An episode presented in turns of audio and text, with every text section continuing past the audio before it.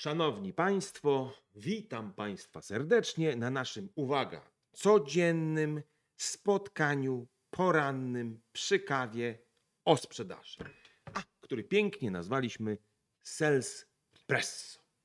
No i pewnie wypadałoby się jakoś przedstawić. Dzień dobry Państwu, nazywam się Krzysztof Rzepkowski. Tak się składa, że jestem konsultantem Thunder Training, a zaprosił mnie to spotkanie nie kto inny jak Dariusz Milczarek, chociaż byłem absolutnie przygotowany na to, żeby Ciebie przepięknie przedstawić. No ale skoro zrobiłeś to sam, to ja tylko dopowiem, że Krzysztof jest konsultantem Sandlera, którego nadzwyczajnie szanuję, podziwiam i zawsze z uwagą słucham i dlatego właśnie zaprosiłem go do naszej pierwszej, inicjującej cały cykl, a właściwie proces rozmowy. I króciutko, e, o czym my właściwie będziemy rozmawiać? Otóż będziemy rozmawiać o tym, co przyjdzie do głowy aktualnie prowadzącemu, co jest bardzo ważne. tego się zawsze boimy. Tak. No i oczywiście po drugie o tym, o czym chętnie rozmawiać będzie mój gość. A ponieważ gość jest zacny, doświadczony handlowo i szkoleniowo, to chciałbym rozpocząć od Czuję się tematu. dowartościowanie, no to możemy teraz już przejść dalej. Taki też, no, to zawsze No, taki oczywiście, wstęp jest nie, nie, istotny. no to no nie? dobrze robi człowiekowi. Rana, prawda, że tak się Tak, obudził. ale nie, nie zagadasz tematu, mój drogi, ponieważ No właśnie, ciekaw jestem, co ci do głowy dzisiaj A widzisz, wiesz co, bo chciałbym trochę zacząć od początku. To znaczy, no, można by powiedzieć od chaosu, ale jednak e, od pewnego porządku. Otóż na przestrzeni 28 lat, Mhm. jak ostatnio policzyłem, kiedy to zajmuję się sprzedażą, rozwojem, szkoleniami, e, to nurtuje mnie takie pytanie o to, co zrobić, żeby być mistrzem w sprzedaży. Czyli tak naprawdę no, myślimy o efektywności. Mi się też to akurat takie zagadnienie, co zrobić, żeby ludzie byli mistrzami świata w sprzedaży, jest chyba zagadnieniem, które nurtuje bardzo wiele osób. I oczywiście jest bardzo wiele różnych czynników, które wpływają na to, że ten ktoś jest dobry albo, albo nie jest dobry. Mhm. I teraz to jednak, co wydaje mi się, trochę mnie to frapuje od wielu lat. To jest pytanie, czy rzeczywiście, uwaga, postawa, Mhm. bo trochę o tym chciałem z Tobą porozmawiać, Okej. jest takim najważniejszym elementem, od którego w ogóle trzeba byłoby zacząć tą rozmowę. Czyli takim DNA, tak? Takim DNA. Czy, ta, czy tak rzeczywiście jest Twoim zdaniem?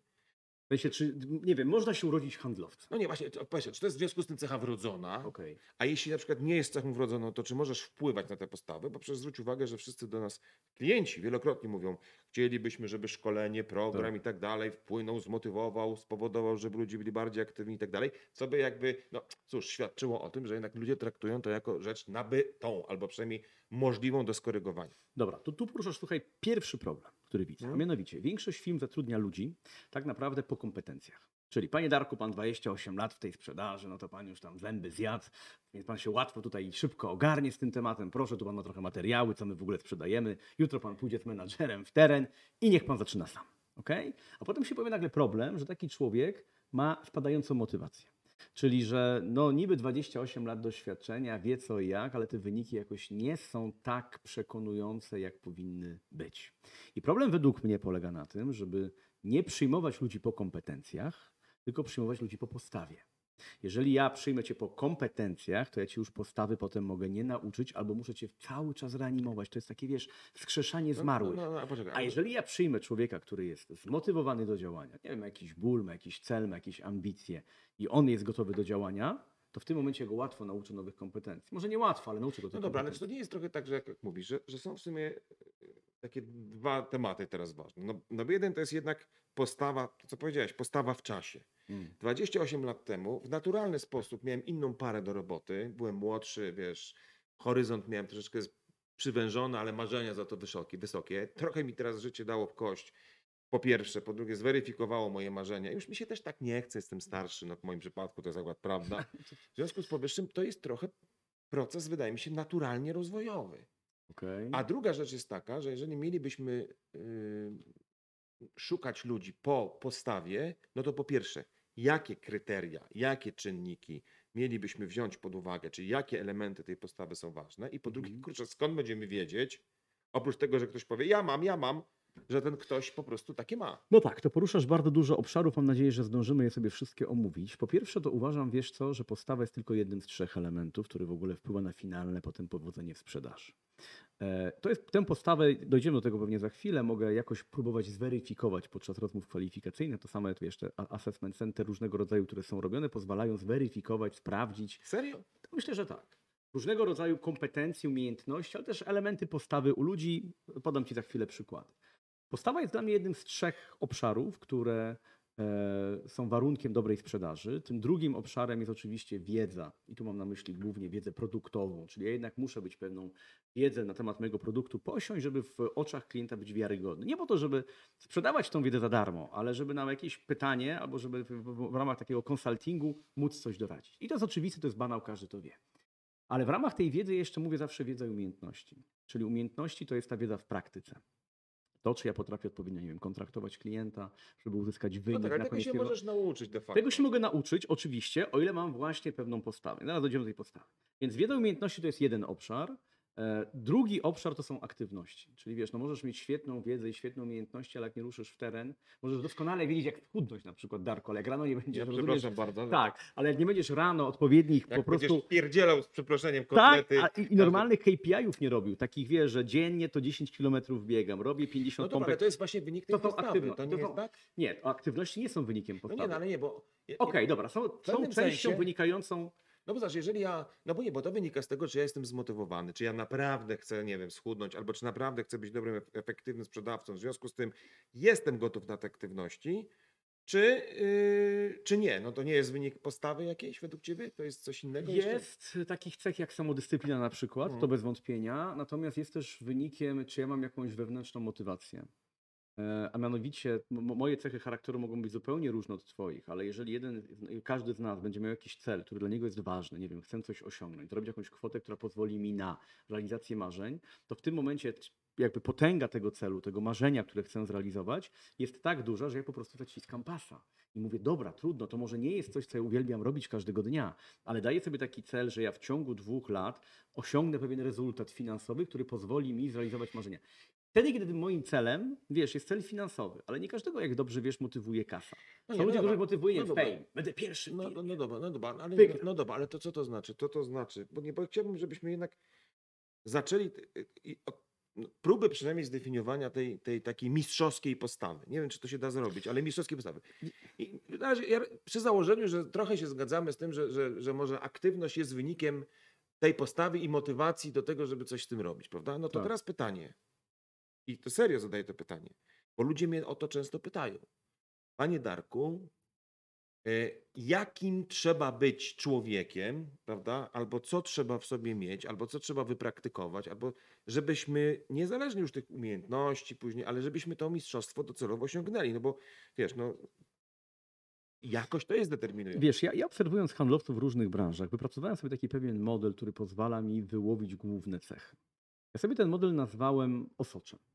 To jest taka nazwa, czyli tak, co w tej krwi, wiesz, handlowca gdzieś tam się znajduje, e, płynie mu w tym krwioobiegu, może bardziej tak, płynie mu w krwioobiegu, e, żeby go zdefiniować jako potencjał na. No masz rację, jeżeli będę miał pewne cechy charakteru i potem mu dorzucę pewne aktywności, wyznaczę cele, które będą jego wewnętrznymi celami, a nie tylko zewnętrznymi, jakąś taką motywacją wewnętrzną i zewnętrzną, e, i do tego jeszcze dam mu narzędzia, czyli wiedzę, umiejętności, no to prawdopodobnie powinien osiągnąć sukces. E, Przynajmniej te trzy czynniki będą wtedy zrealizowane. Co ty, kolego, w ogóle masz na myśli? Dobra, to to jest słuchajcie sześć cech, które postrzegam jako kluczowe u sprzedawcy i zacznijmy od pierwszej litery O. Co byś stawiał pod tym O? Ja wiem co, ale e, ja bym powiedział, oczywiście, że odwaga. No oczywiście, że odwaga. Myślę sobie, że odwaga jest takim kluczowym elementem. Jakoś długo się nad tym zastanawiałem kiedyś, jak rozpoczynałem swoją pracę w sprzedaży, co determinuje, co rozróżnia tych najlepszych od tych, którzy no, osiągają przeciętne wyniki albo w ogóle słabe wyniki.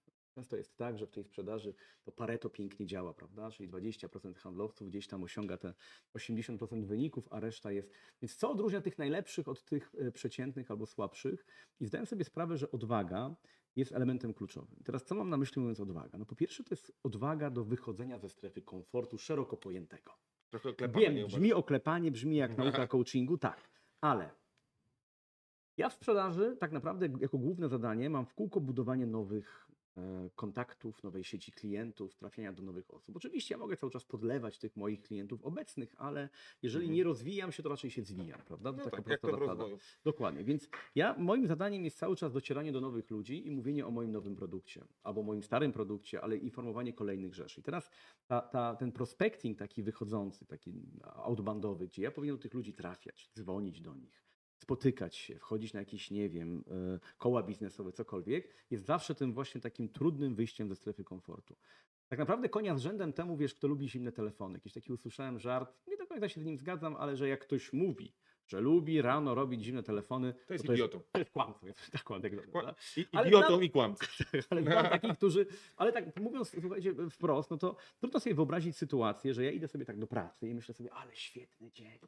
Ty, no dzisiaj cudowny dzień. Zaraz wejdę do biura, naleję sobie kawę, a potem 150 osób mi odmówi. No tak, ale dobrze wiesz, że jak nawet wymawiał nasz, nie chcę powiedzieć przodek, tylko nasz fundator naszej idei, no to nie musisz lubić zimnych telefonów. No po prostu musi się Musisz robić. No tak, ale ale- żeby to wiedzieć, żeby je wykonywać, ja muszę coś przełamać w sobie.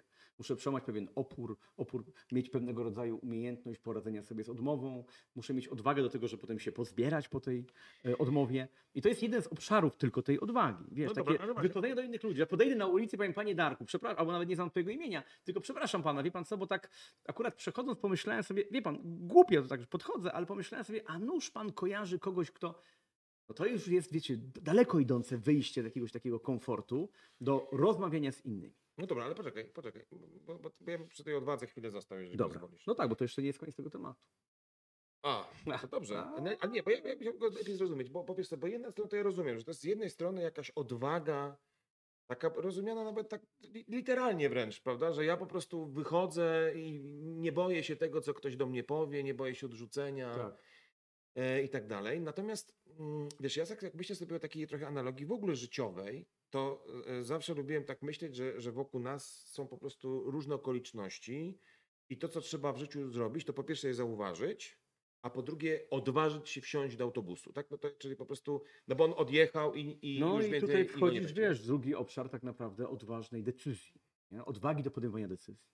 No dobra, No i to ale- jest dokładnie to, ale to, to jest właśnie ta odwaga. Czyli, że ja mam pewną, nie wiem, szansę w życiu, mam pewnego klienta, dajmy na to.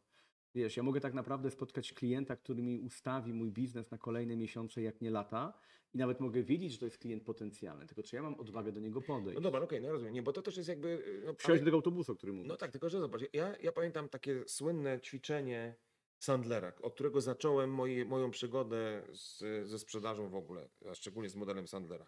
Możesz nie uwierzyć w to, ale ja naprawdę jestem y, z zamiłowania i z natury introwertykiem, choć y, z wyuczoną ekstrawersją, Mhm. ale pamiętam jak Sander, który był no, totalnym introwertykiem, któregoś y, razu zapragnąwszy być bardziej otwartym, wprowadził sobie takie ograniczenie, czy takie ćwiczenie, czy taką zasadę, która mówi tak. Każdego dnia, jeśli wejdziesz komuś w strefę komfortu, to zagadaj. Strefa komfortu, czyli nie wiem, półtora metra, dwa metry. No, jesteśmy w wielu takich sytuacjach społecznych, gdzie, gdzie łamiemy sobie trochę tą, tą barierę i wtedy tak trochę się czeka, że kurde, niezręcznie czuję, a to w autobusie, a to w windzie. Ale ja to wziąłem sobie do serca i rzeczywiście wypracowałem sobie kilka, kilkanaście takich prostych rzeczy. Tam, Mhm. dzień dobry, o, widzę, przysłuchiwałem się rozmowie, tak się zastanawiam, dzień dobry, nazywam się. Znaczy, I testowałem to. To jest w ogóle świetne ćwiczenie, którym wszystkim rekomenduję. To po trzech miesiącach zmienia życie. Ale dlaczego o tym powiedziałem? Dlatego, że ta odwaga mi przyszła z czasem. Mhm. To nie jest tak, że ona się nagle okazało, że jest wrodzoną. Oczywiście. Prawda? To nie jest. A, Ona jest super do wytrenowania. Tak, i, i powiem Ci, że mówię dokładnie to samo. W sensie ja, ja też wyglądam na bardzo ekstrawertyczną i odważną osobę, a uważam, że tak naprawdę to jestem trochę nieśmiały. E, I że jest mi tak w Ty sytuacji, jeszcze jesteś pantoflarzem na to. powiedział Dariusz Milczarek.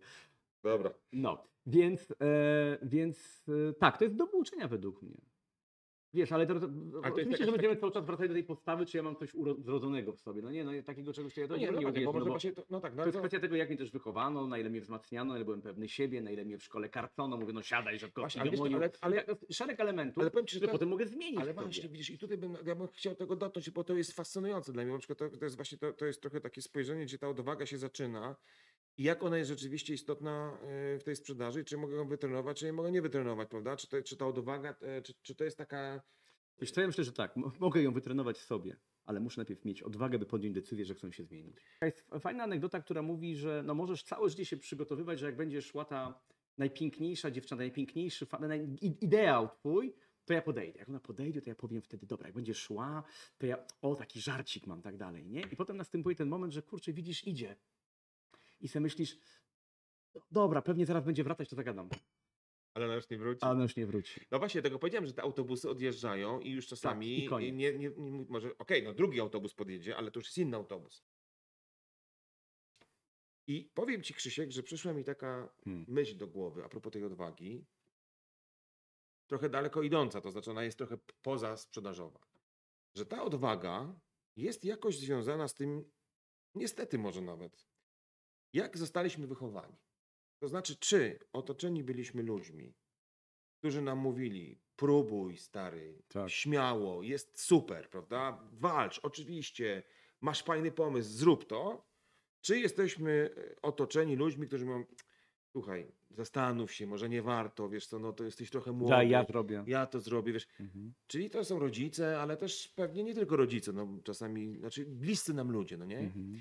I teraz jest pytanie, czy w związku z tym, że jednak ta odwaga, trochę bym powiedział, jest w związku z tym społecznie, ale jednak wcześniej dość nabywana w procesie takiego wychowywania się i wychowywania ludzi, czy tak naprawdę naprawdę możemy ją zmienić? Czy z człowieka tchórzliwego można zrobić odważnego sprzedawcę? No? Wiesz, no to jest oczywiście kwestia tego, jak nam te zbiorniczki napełniono, nie? Tak jak powiedziałeś, czyli, czyli czy ja byłem wzmacniany, czy nie byłem wzmacniany, czy słyszałem spróbuj jeszcze raz, czy właśnie daj spokój, ja to zrobię. E, Na ile mam w sobie tak zwaną wyuczoną bezradność. Czyli jeżeli Okej. ktoś mnie wychowywał w takim, wiesz, duchu, że dobra, Darek, Darek zostaw, bo ty jak to znowu rozlejesz. Ty już No daj sobie spokój, bo ty to znowu schrzanisz, nie?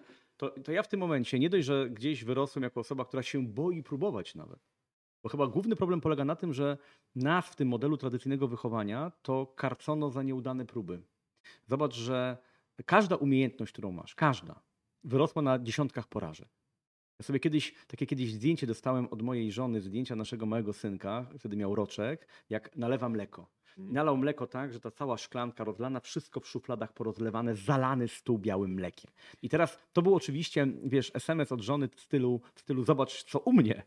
E, A ja miałem taką wtedy myśl, że każda umiejętność, którą mamy w życiu e, jest zbudowana na porażkach. Czyli nim się nalał, nauczyłeś tego mleka nalewać, musiałeś takich porażek dziesiątki pod, wiesz, ponieść. I potem się zacząłem zastanawiać, czy jest jakaś taka rzecz, którą się urodziłem i po prostu ją umiem. Pomyślałem sobie, no jestem ssakiem. No, To no, może ja umiem mleko ssać. Tak, umiesz oddychać. Przecież, Nie, nieprawda, Darku. Chyba już zapomniałeś, jak to jest mieć małe dzieci. Małe dziecko się krztusi, ulewa mu się to mleko, No, tak, rozumiesz? Ma kolki, nie umie pić mleka. Nie umiesz niczego, poza może oddychaniem, e, jako umiejętnością, która jest nieświadoma. E, wszystko jest, cała reszta jest budowana na porażkach. I teraz czemu o tym mówię? Zobacz, dlatego, że jeżeli w tym modelu ktoś nas wspierał i mówił, dobra, to nalej jeszcze raz. Możesz rozlać. Wiadomo, że jak rozlewasz, nalewasz mleko, to musisz pierwszy raz wylać. To w tym momencie nie dość, że ja nabierałem odwagi do podejmowania nowych wyzwań. Bo potem jak miałem nasypać mąkę do szklanki, to już się nie bałem skarcenia. Nie bałem się tej oceny, odrzucenia. No tak, ale nie, ale to, ale to, ale, zobacz, ale no dobra, tylko to, to, by, yy, to miałeś fart trochę, tak? No bo z tego, co mówisz, to trochę wynika, że albo jesteś, albo byłeś. Nie, albo... nie mówię, że ja tak miałem. Ja tak nie miałem. Tylko no dobra, no to nie, był ale taki to przykład. idealnie mają ci wszyscy, którzy są otoczeni ludźmi, którzy w jakimś sensie pozwalają nam, i to też dotyczy szefów na przykład, pozwalają nam popełnić błędy, które są jednak wiesz, ja warunkiem. myślę, że- Ale nie, no nie, ale nie, no, no wiesz, no jest Nie, ogólnie takiego, tak, że... zobacz, że bardzo mało takich osób No będzie. mało, Dlatego, ale- że nie dość, że wychowanie w domu to jest jedna sprawa, czyli te mindsety, które mamy z lat 70., 80., nawet 90., to, to, to jest zupełnie co innego, co nasi rodzice mieli w głowach. A po drugie, to jest to, że szkoła do tej pory nie uległa zmianie. I w szkole cały czas, kiedy nie wiem, e, będziesz próbował nabyć tą niezwykle życiowo ważną kompetencję, jaką jest rzut piłką lekarską do tyłu i ci nie wyjdzie, to chyba usłyszysz dawno, siadaj. Dawno, żeś to chyba nie, nie studiował Ale wiesz, powiedzą ci milczarek dwuja. To prawda. Jesteś mierny, czaj, ale nie, niedostateczny nie, no, jesteś. To jest, ja ci powiem inne, że- tak, to jest zgoda, szkoła, tak, bo to jest, ale ja cały czas mam takie w głowie, że to też jest czasami źle pojęta troska. Czyli, że na przykład my, zobacz, my mówimy tak, chciałbym ustrzec moje dzieci przed błędami, które sam popełniłem, tak? Wiadomo, że dzieci nie możesz ustrzec, możesz się tylko przestrzec, ale i tak oczywiście dzieci zrobią swoje. Tylko, że jeżeli masz rodzica, który w dobrej, i to nawet nie chodzi tylko o rodzica, możesz mieć takiego szeroko rozumianego rodzica, czyli wszystkich tych, którzy w danym momencie są dla ciebie jakimś autorytetem z nadania albo z jakiejś pozycji, albo tam z czegoś, no to oni często to robią w dobrej wierze, Tak. prawda? Ustrzegę cię. No, albo na przykład, nie, nie wiem, sami w życiu by nie pojechali za granicę e, tam na rok w nieznane, bo by się tego bali, no to w związku z tym mówią ci, słuchaj synu, poczekaj, zastanów się, może najpierw skończ studia i tak dalej. Ale jakby trochę chcę, No, no chcę tak, ale, ale błąd gdzieś w tym po- polega na tym, że większość naszych rodziców, czy rodziców w ogóle, jakby bardziej stara się zadbać, byś z tego gniazda nie wyfrunął, albo jak najdłużej w nim pozostał. dobra, no dobra, no A dobra. rolą powinno być to, żeby przygotować do samodzielnego wyfrunięcia Dobra, gniazda. No dobrze, a teraz, a teraz jakbyśmy sobie tak teraz wzięli takiego kogoś, kto przecież był poddawany warunkowanie społeczne wieloletnie, o tam zaczynając od rodziców, i on nagle staje w obliczu nowej pracy, która ma polegać na tym, że on buduje nowe kontakty, czyli jest tym handlowcem, nie? Mhm. No i teraz tak, no on jakby z całym tym bagażem doświadczeń, z lękami, z jakimiś tam swoimi nastawieniami, sukcesami też przecież, w jakimś sensie, tak jak powiedziałeś, powinien być odważny. I to można powiedzieć, że jeżeli mam tych, tych traum życiowych jak najwięcej, no to muszę więcej wyjść z tej strefy komfortu. Ta moja strefa komfortu jest ciaśniejsza. Ale dalej się zastanawiam, czy to na pewno jest postawa według ciebie, czy to jest takie, takie coś, co jest taki poziom odwagi, to jest coś, co można by powiedzieć, to jest jakaś twoja cecha osobowości, nie wiem, to jest jakiś twój temperament, albo jakaś właśnie coś, nawet nie wiem, czy wrodzone, ale coś takiego, co jest przypisane twojej osobie, czy to jest jakiś po prostu, nie wiem, umiejętność, którą po prostu w sobie kształtujesz i masz lub nie? Jak to Nie, no myślę, że to nie jest taka, wiesz, umiejętność, jak nie wiem, to, że potrafię zadawać pytania pogłębiające albo kontraktować klienta. To bym rozróżnił bardzo wyraźnie. Są takie umiejętności, które są wyuczalne, mierzalne, namacalne, które można w skryptach zapisać, które wiesz, po prostu to, że ktoś mi pokazał, jak się parkuje samochód tyłem. Ok? Czyli pokazałeś mi tą, uświadomiłeś mi, że można, już mam teraz świadomą niekompetencję, bo nie wiedziałem, że w ogóle tak można. I potem ćwiczę, ćwiczę, ćwiczę, ćwiczę i po- potrafię zaparkować tyłem, jedząc hamburgera, gadając przez telefon. I to już jest umiejętność. Natomiast to, czy ja będę miał odwagę, żeby wsiąść do samochodu, czy będę całe życie uważał, wiesz, nie, samochód Darek to nie dla mnie. Nie, ja to raczej będę rowerem jeździł. Co ty? Jeszcze jak wsiądę, to ci stłukę ten samochód. Daj sobie spokój. To, to jest już kwestia, do której wtedy wcześniej mówiłeś o wychowaniu, o tych zbiorniczkach napełnionych, o tym, czy mnie wzmacnia. No, czy po prostu wyuczoną bezradność mam wyniesioną z domu, Tak. podcięto mi skrzydła i, i to już jest cholernie trudno zmienić. Według mnie bez psychologa tego już nie zmienisz. Tak, Bez to terapii, w bez pracy, sensie no można powiedzieć, że wszystko się jakoś tam zaczyna od mamusi i tatusia, No. chociaż to nie jest może jakoś tak wybitnie pozytywny przekaz, no bo jednak mamy tak, jak mamy, bo tak mieliśmy. Ale myślę sobie, że to co, to, co mnie bardzo przekonuje do tego takiego, do tej, do tej cechy, jaką jest odwaga, już pal licho, czy ona jest nabyta, czy ona jest wrodzona, czy tam jest mniej lub bardziej modyfikowalna, dużo okazji bez tej odwagi ci ucieka. Hmm. I, i, I ten lejek sprzedaży, bo wrócę do tego lejka sprzedaży, nie możesz napełnić porządnie, jeżeli nie masz odwagi w różnych sprawach, tak? Ja bym chciał, żebyśmy trochę do tej odwagi jeszcze się odnieśli, żebyśmy sobie ją trochę podefiniowali. Mhm. Bo tak, na pewno jeżeli chodzi o odwagę zagajania, bym powiedział, czyli tak naprawdę wykorzystywania pewnych okazji, no Tak. nie, no bo wiesz, idziesz, nawet możesz sobie iść wiesz, w hali sklepowej jakiejś i nagle ktoś cię coś fajnego powie i myślisz, o, o, o, to jak, wygląda jak mój klient. Właściwie czemu miałbym się nie przedstawić, nie zagaić? Tak. Tak, no to jest okazja. O, o tym już potem pójdzie, go już nie ma. Te okazje są ważne. To jest raz. Mówiliśmy o podejmowaniu decyzji, prawda? Że Mhm. odwaga w ogóle wsiadania do samochodu czy tam do autobusu, który odjeżdża, y, jest rzeczą istotną. Dobra. Czy jakoś widzisz jeszcze taki obszar, który tej, w tej odwadze jest szczególnie ważny? Wiesz, to wydaje mi się taka odwaga do po prostu bycia wprost z ludźmi. E, Do zadawania trudnych pytań na przykład. Nie? Czyli zobacz, że bardzo często w tej sprzedaży, czy w ogóle w relacjach międzyludzkich mamy takich dużo niedom, nie, niedomówień, jakiegoś takiego kiślu komunika, takiego chao, szumu komunikacyjnego, że tak naprawdę ja nie wiem, co ci chodzi, ty jakiś trochę sfochowany jesteś. Niby mi mówisz, nie Krzysiek, wszystko w porządku? Nie, nie, nie, nie, nic się nie stało, wiesz. Jest okej. Nie, luz. Mały foszek, paproszek. No, mały poszek, paproszek, więc mamy mnóstwo takich sytuacji, w których o ile jeszcze w sytuacji prywatnej, to powiedzmy czasami łatwiej nam jest to wydobyć. Czyli, ej, no co ty mi tutaj ktoś wchodzisz wkurzony, tak mówiąc delikatnie. To o co chodzi, stary? No, kawa na ławę. To w sytuacji prywatnej mi to jest no, powiedzmy łatwiej, ale w sytuacji zawodowej, kiedy kogoś wiesz, na pan, par per, per, per pan sobie rozmawiamy e, i widzę tę, tę osobę po raz pierwszy i ona mówi, nie, nie, nie, wie pan co, to ogólnie musimy to trochę przemyśleć. Ja czuję, że tam jest coś nie tak, że tak naprawdę chyba nic z tego nie będzie. Jak gadam z handlowcami, to większość z nich wie, że kiedy klient mówi, nie wiem, dzwonimy się, to w tym dzwonimy się już jest formuła pożegnalna. Ludzie to wiedzą, ale w tym nic nie zrobią. No nie, ale właśnie, I jednej- pytanie, no. ale zobacz, ale pytanie, czy to jest tak, nie wiedzą i nie robią, dlatego, że uwaga, nie mają odwagi, żeby zapytać, bo boją się, że ktoś powie, no tak, panie Darku, oczywiście, no przecież nie, nie złapał pan sarkazmu, po prostu przecież do, do widzenia, prawda? Więc jakby Mhm. nagle stanę w obliczu, to może lepiej nie wiedzieć, prawda? Czy też jest tak, że ja się w ogóle boję czasami zatrzymać i powiedzieć, halo kliencie, come on, chyba w tym, co pan mówi, troszkę nie do końca jest pan w prawdzie, prawda? No bo oczywiście mogę to różnie powiedzieć, ale jednak zwykle w takich sytuacjach e, to często oznacza, żebym sobie poszedł precz. Myślę, że jedno i drugie, bo tak naprawdę po pierwsze boimy się odrzucenia i tu wracamy do odwagi, czyli ja, ja wolę nie usłyszeć, a po drugie ja też wolę mieć w ogóle szczęśliwe uszy, dlatego że jako handlowiec, kiedy wrócę do domu, rozumiesz, w piątek wieczorem i mogę powiedzieć żonie, no słuchaj, tamci to tak powiedzieli, że to muszą przemyśleć, ale czuję, że coś z tego będzie, tamci to tak już wstępnie myślę, że tak, z tamtymi jest na poniedziałek umówiony, podpisujemy, to ja rozumiem, że jestem w piątek bogatym człowiekiem. Ale to jest bardziej kłamstwo niż e, brak odwagi. Uważasz, że to Słuchaj, jest... nadzieja matką handlowców. Nadzieja Ale- matką handlowców. Wiesz, ja wolę żyć nadzieją przez weekend, że jestem bogaty, niż czasami mieć nawet e, tą, tą wiesz, e, zapy- no tak, to jest drugi aspekt tego, nie? Tamten to był związany z odwagą, a tutaj ja po prostu czasami wolę nie wiedzieć, wolę oszukać samego siebie. No tak, tak, nie rozumiem. No dobrze, ale wiesz co, nie, bo mnie to akurat przekonuje. Ja, ja jestem fanem wątku odwagi, dlatego cieszę się, że e, o tym mm, mówisz, bo wydaje mi się, ja nawet bym powiedział, że odwaga w życiu, nie tylko w sprzedaży, ale ona w życiu jest kluczowa. Bo wydaje mi się, że ludzie po prostu boją się puścić, boją się różnych rzeczy zrobić. Wiesz, dużo jest takich metafor, em, trochę sportowych często w sprzedaży, no nie? Bo biznes, sport, jest parę takich ludzi z naszego środowiska, którzy się bardzo lubią tą Mm. metaforą jakoś posłużyć.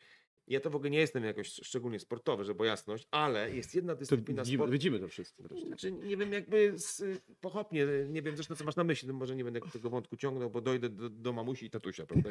Nie chciałem tego. Ale nie, wiesz, jest taka śmieszna dyscyplina, która w ogóle nie jest jakoś super widowiskowa może. Ona się nazywa gimnastyka e, sportowa. Mhm. Jest coś takiego jak kobiety, zwłaszcza to, są, to, jest bardzo ładny, spektakularny taki element, jak są ćwiczenia na, drąż, na takich dwóch drążkach, Mhm. prawda? I one najczęściej są nad, jeden wyżej, drugi niżej. I Tak. teraz kiedyś taki trener y, właśnie takiej gimnastyki sportowej powiedział mi tak. Są takie dyscypliny sportu, które możesz trenować tak powolutku, je rozwijając, prawda? Czyli dodam jakiś element i jeszcze kolejny i się, się rozwijam.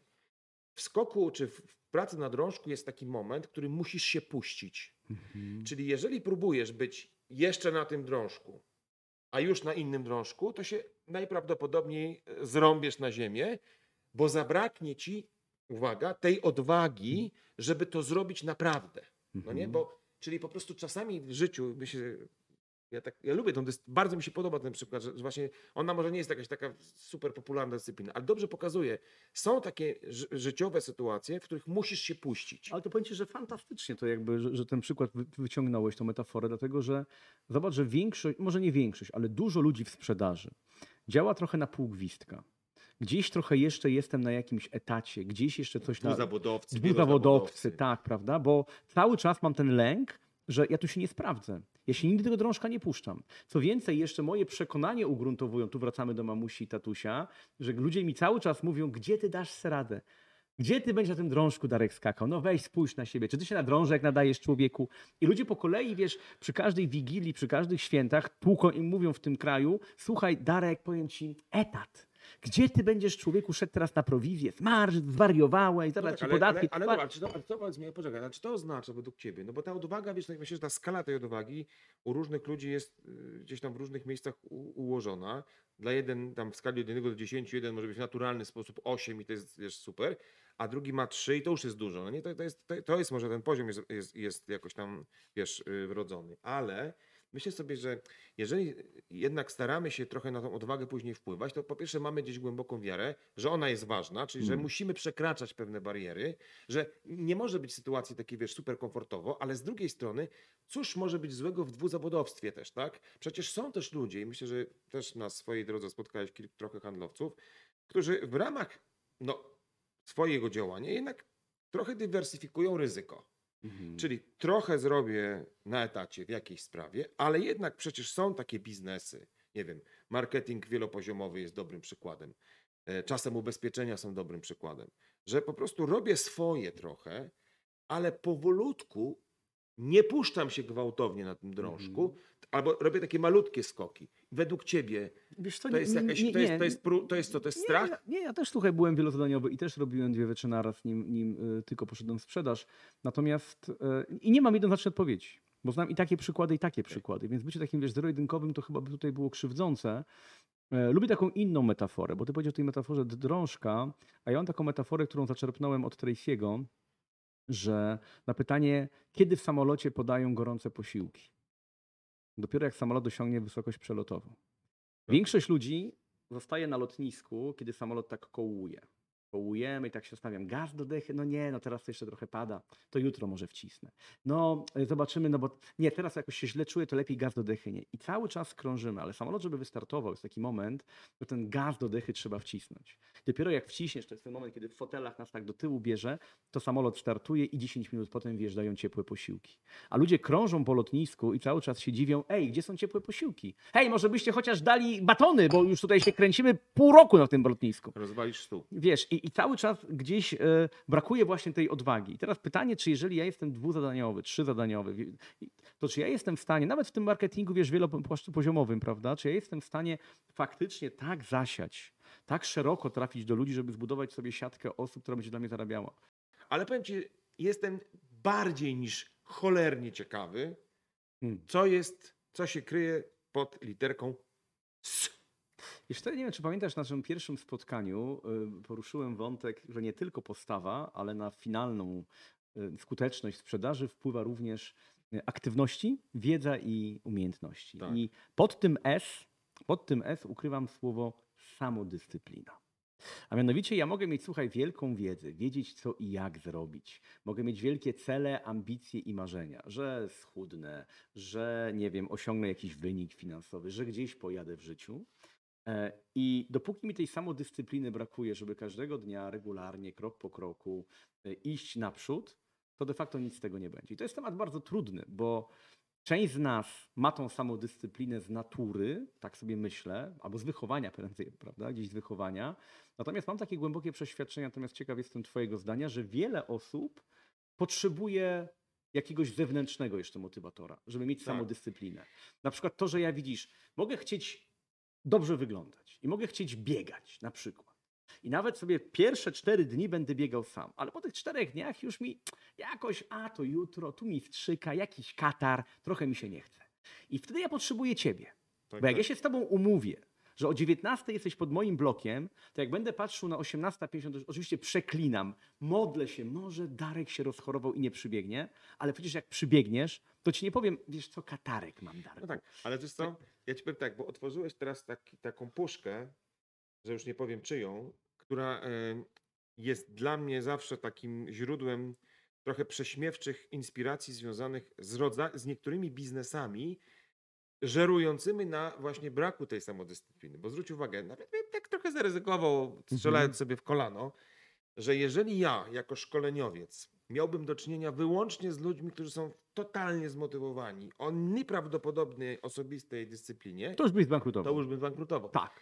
Yy, siłownie już Dawno by padły. Każdy z nas by był taki, byśmy... Zobacz, ludzie kupują kursy, kupują książki, do których nigdy No. nie są w stanie zajrzeć, no nie? To Mhm. jest mega przykład według mnie, to co powiedziałeś, ta samodyscyplina, która odróżnia mężczyzn od chłopców trochę. W takim Mhm. sensie. I bym, tutaj bym zaryzykował takie twierdzenie, bo powiedziałeś o tym, że potrzebują zewnętrznego motywatora, właśnie, że jednak to jest taki, taki bym powiedział, taki killer po prostu. Bo, bo, bo jeżeli nie wyobrażam sobie osiągania sukcesów bez czegoś takiego jak samodyscyplina. I też wszystkim ale wszystko jedno, czy jest moja wewnętrzna motywacja, Tak. czy zewnętrzna, ale sa samodyscyplina, czyli taka umiejętność zbudowania swojej własnej rutyny chyba w różnych sprawach, Mhm. ona determinuje, y, moim zdaniem ona determinuje, determinuje wszystko. Możesz być super uzdolniony, zdolny, ale tak mówisz, zdolny, leniwy, kurde, nie? W Mhm. szkole się tak, ja na szczęście byłem tym zdolny, leniwy, gorzej jak ktoś nie jest zdolny. Ale chodzi o to, że po prostu wiesz, że to jest, to jest lenistwo. Po drugiej stronie jest lenistwo. Wiesz, podawałeś fajne przykłady związane ze sportem, nie? Czyli z tą gimnastyką. No to wiesz, tutaj, tutaj przykład. Sport jest chyba najlepszym takim e, odnośnikiem, żeby zrozumieć rangę, wagę tej samodyscypliny. Jest taki, w w jednym z wywiadów e, z Lewandowskim przeczytałem to, że on e, biegając pilnuje sam siebie, czyli ma tą samodyscyplinę, e, żeby nie skracać narożników. Czyli jak biegną dookoła stadionu, no to że on po prostu ten metr, który tam tak można też ukraść, prawda? No bo tak zwykle biegamy dookoła stadionu, że skracamy, to on tego nie robi. I któregoś razu sobie usiadł i policzył, czyli wziął pod uwagę wszystkie rozgrzewki, które bierze w ciągu dnia, tam dookoła stadionu jak biegają, pomnożył przez liczbę dni w roku i razy cztery, no bo to są cztery metry, Tak. które mniej więcej tam cztery i 1,5 metra, czyli sześć, nie? I okazało, wyszedł mu ten wynik, wiesz co, fascynujący. Dlatego, że okazało się, że kilometrów pewnie, co? maraton. Że on biega Serio? maraton więcej od tych, którzy skracają No tak, narożniki. tak, tak. Nie? I, I ten maraton potem widzisz w tym przyspieszeniu, w tej jego kondycji, w tym wszystkim. I to jest dla mnie taki fajny przykład samodyscypliny, że ja każdego dnia mam do wyboru. Albo zrobię tak, jak ma być, czyli Mhm. zjem, nie wiem, tyle i tyle kalorii, zrobię tyle i tyle pompek i tyle i tyle kilometrów przebiegnę, albo uwaga, zrobię prawie. tak Jeżeli tak. zrobię prawie, No tak, robi różnicę. to to prawie robię Tak. różnicę. Ja wiem, tylko wiesz co, ja się trochę tej samodyscypliny często boję w takich właśnie coachingowych, jakichś mo- motywacyjnych mówkach i tak dalej. Bo ludzie bardzo często odwołują się, jak, nie- i to nie chodzi o jakichś zawodowych mówców wcale, tylko ludzie Tak. mam jedni tam czeladniczy system takiej pracy, że szef tam, nie szef, czy tam, tam mistrz uczy swojego ucznia tam, go tam, ty rób to i to i to. Jak będziesz 1500 razy zrobił jakieś coś rzeczy, to osiągniesz mistrzostwo. Ludzie często chwalą się, zobaczcie, wystarczy ciężko pracować, wystarczy codziennie rano wstać o tej 6.15 na 3-minutową rozgrzewkę i dzięki temu powiedzmy schudniesz tam ileś. Ja mam wrażenie, że większość ludzi, i to dotyczy też działów handlowych, czy lu- ludzi, ale ja tego, kurde, chciałbym tak, Mm. ale no, mnie to się nie uda to zrobić, tak? Że ludzie Mhm. są jakby bardzo świadomi takich swoich, szczególnie w tym obszarze lenistwa. Ja to nazywam lenistwo, ty to nazywasz dyscyplina. Dla mnie ta odwrotność jest pewnym lenistwem, takim lekceważeniem, olewactwem. Nie, że takie, takie uda mi się, albo Tak. takim, wiesz, bagatelizowaniem czasami. Jestem mistrzem, no a właśnie jest, myślę, że sprzedaż szczególnie jest takim miejscem, że trudno o mistrzostwo. Be, bo wiesz, wydaje mi się, że są takie dyscypliny życia, że masz fart i talent. Mhm. I po prostu robisz coś pierwszy raz w życiu i kurde nagle masz wow. Wydaje mi się, że w sprzedaży możesz pierwszy raz w życiu sprzedać deal wiesz, życia przypadkiem, ale to już nie jest powtarzalne. Mhm. Powtarzalność jest wtedy, Kiedy kiedy, jest wynikiem tej aktywności? kiedy jest wynikiem tej aktywności. I to nie jest, ale powiedz mi, to nie jest trochę tak z twojego doświadczenia, że jednak ta samodyscyplina albo jej brak, to jest taki element nas samych, którego jesteśmy tak bardzo świadomi, że on nas w ogóle jakby, wiesz, tak jakby pozbawia nas wiary w siebie. Ja mam takie poczucie, że to, że ja wiem, że ja Mm. czegoś nie, nie umiem, nie mam w sobie zaparcia, to po prostu to ja się nie biorę za to. Hmm. Wiesz, co, teraz mi się przypomnie, jak ciebie słucham, e, taki krótki filmik, który zobaczyłem kiedyś w telewizji. E, No i to był jakiś taki wywiad z gościem, który miał już tam chyba setkę i jakiś reporter telewizyjny do niego pojechał na zasadzie, jaki jest sekret na długowieczność. Czyli spodziewał się odpowiedzi typu pij wodę, tam nie wiem, jedz marchewkę, prawda? I jakby taka jedna krótka recepta, no taka informacja dla wiadomości tam, wiesz, na ostatnie trzy minuty, nie? I ten dziadek e, takim mocno ochrypłym głosem powiedział: Trzeba się trzymać za mordę. Hmm? I powiem ci, że to jest chyba dla mnie odpowiedź na, tę- na tą samodyscyplinę. Czyli trzymać się za mordę. Jeżeli już mam tą świadomość, bo ja się, z tym się chyba nikt nie rodzi z tą samodyscypliną, to nie jest jakoś cecha wrodzona. Jeżeli już osiągnę pewien poziom świadomości, że jeżeli coś mam osiągnąć, to muszę to robić regularnie, to potem po prostu każdego dnia trzeba trzymać się za mordę. Trudne straszliwie. Tym bardziej, że w tej sprzedaży, jak powiedziałeś, są przykłady tego, że komuś się trafiło No e, szczęśliwego jakiegoś fuksa. W sporcie już tego nie masz. W sporcie to, że masz profesjonalnym olimpiadę, sporcie tego nie, nie, ma. Tam nie pójdziesz że olimpiadę W biznesie de facto, w sprzedaży, w sprzedaży bardziej, bo w biznesie masz różne sytuacje. W sprzedaży Długoterminowo też tego nie ma. Stąd zresztą wydaje mi się, że ludzie, szefowie zresztą właśnie też będziemy o tym kiedyś rozmawiać, mam nadzieję, bo to jest temat, który jest, mnie fascynuje w ogóle, te KPI, -e, Tak. czyli to jak ktoś, jak ktoś mówi, no zaraz, ale robię i mam wynik, ale fartem często, no nie? A długoterminowo to jest trudno bez tego. Podoba mi się to trzymać za mordę. My Mhm. akurat musimy też trzymać za mordę czas, w związku z powyższym... Musimy go e, trzymać za mordę, musimy- musimy się po prostu rozstać. Słuchajcie, nie wiem jak z waszą samodyscypliną, e, z waszą umiejętnością złapania się za mordę. Jakie macie motywatory? ważnych Napiszcie nam o sprawach. tym. No się właśnie. motywujecie, żeby każdego dnia wykonywać pewne czynności? To nie musi być sprzedaż, to nie musi być prospecting, to mogą być nawet te ćwiczenia. Co sobie w głowie powtarzacie, żeby po prostu mieć samodyscyplinę? A my się spotkamy e, w poniedziałek, jak zwykle o 9.09 i będziemy z kolegą Krzysztofem dalej O dyskutować o osoczu. Jakby na to popatrzeć, to następne znowu mamy o. Tak jest. Ciekawe. Miłego zobaczenia. weekendu. Do zobaczenia.